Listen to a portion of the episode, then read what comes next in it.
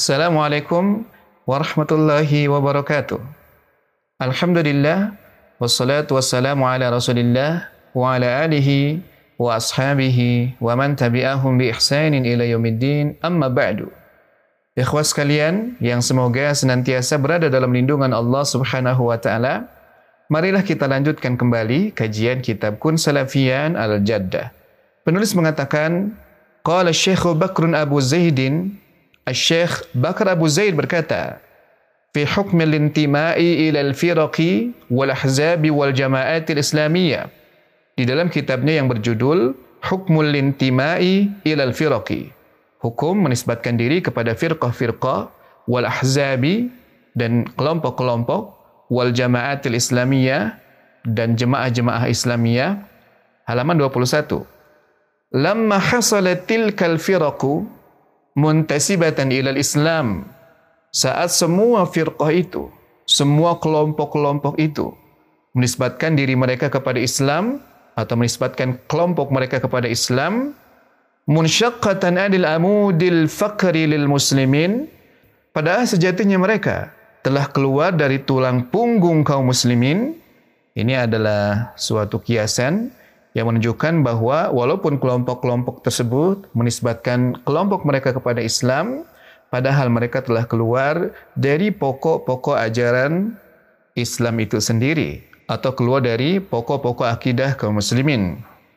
Zaharat alqabuhum syar'iyyatu al-mumayyizatu li jama'atil muslimin. Maka saat itulah laqab-laqab mereka yang syar'i atau nama-nama mereka yang syar'i zaharat muncul. Maksud nama-nama mereka di sini adalah nama-nama ahlu sunnah wal jamaah. Sebagaimana telah saya jelaskan sebelumnya, telah saya singgung bahwa ahlu sunnah memiliki banyak penyebutan atau banyak penamaan. Kata beliau, yang melatar belakangi munculnya nama-nama tersebut adalah Disebabkan karena semua kelompok yang menisbatkan diri kepada Islam itu, mereka sama-sama menisbatkan diri kepada Islam, padahal mereka telah menyimpang dari inti ajaran Islam atau dari usul agama Islam ini. Al-mumayyizatu li jama'atil muslimin. Di mana nama-nama inilah yang membedakan jemaah kaum muslimin yang berada di atas al-haq dari kelompok-kelompok lain yang menyimpang itu linafil firaqi wal ahwa'i anhum. Yang tujuannya adalah untuk membendung firqah-firqah itu. Bid'ah-bid'ah mereka. Ya, ahwa di sini bisa kita terjemahkan penyimpangan-penyimpangan mereka atau bid'ah-bid'ah mereka. Sawa'an maka lahum minal asma'i thabitan lahum bi asli syar'i sama saja nama-nama mereka itu, nama-nama ahlul haq atau ahlus sunnah wal jamaah, thabitan lahum bi asli syar'i, valid atau ditetapkan bagi mereka berdasarkan dalil-dalil yang sifatnya syar'i. Contohnya adalah al-jama'atu, al-firqatun najiyatu, at-ta'ifatul mansuratu. Di antara nama yang ditetapkan berdasarkan dalil syar'i adalah al-jama'ah. Yang kedua adalah al-firqah an-najiyah kelompok yang selamat. At-Taifatul Mansurah. Kemudian yang ketiga adalah At-Taifah Al-Mansurah, kelompok yang ditolong atau kelompok yang menang. Au biwasitatil tizamihim bisunnani amam ahlil bid'ah. Atau karena alasan yang kedua. Maksudnya adalah atau lahirnya nama tersebut adalah karena alasan yang kedua.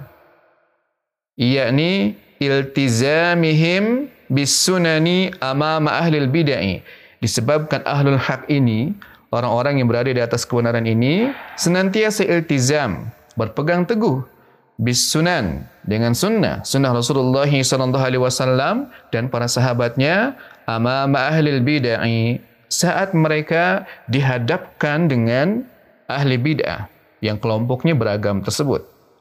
Walihada oleh karena itulah Maksudnya disebabkan karena penamaan ini merupakan penamaan yang berdasarkan kepada dalil-dalil syar'i atau juga berdasarkan karena mereka sangat berpegang teguh kepada sunnah Rasulullah sallallahu alaihi wasallam dan para sahabat hasalalahum maka terbentuklah bagi mereka arabtu ikatan bisadril awal dengan generasi pertama. Dari umat ini maksudnya adalah para salaf sahabat radhiyallahu anhum secara khusus.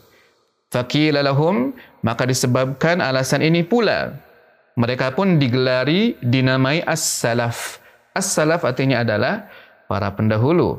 Jadi mau dinamakan ahlus sunnah wal jamaah mau dinamakan Al-Firqah An-Najiyah, mau dinamakan At-Taifah Al-Mansurah, atau dinamakan As-Salaf, itu sebetulnya sama saja. Pada akhirnya akan mengerucut kepada alasan yang sama. Bisa jadi karena nama itu memang disebutkan oleh Rasulullah SAW, atau bisa jadi karena nama tersebut lahir disebabkan orang-orang yang digelari itu mereka sangat berpegang teguh dengan sunnah Rasulullah wasallam, sunnah yang murni, tidak mengada-ada. Atau mereka juga disebut ahlu hadithin, disebut ahlul hadis. Ahlul hadis bukan berarti mereka yang paling banyak hafalan hadisnya atau paling banyak meriwayatkan hadis tidak.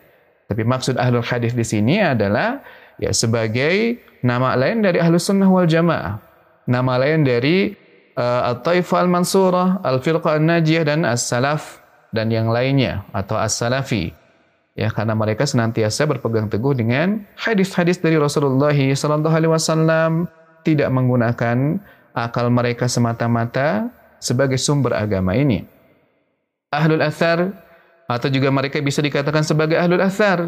Mereka adalah orang-orang yang mencukupkan diri dengan athar yaitu peninggalan dari Rasulullah sallallahu alaihi wasallam dan juga peninggalan dari para sahabat radhiyallahu anhum.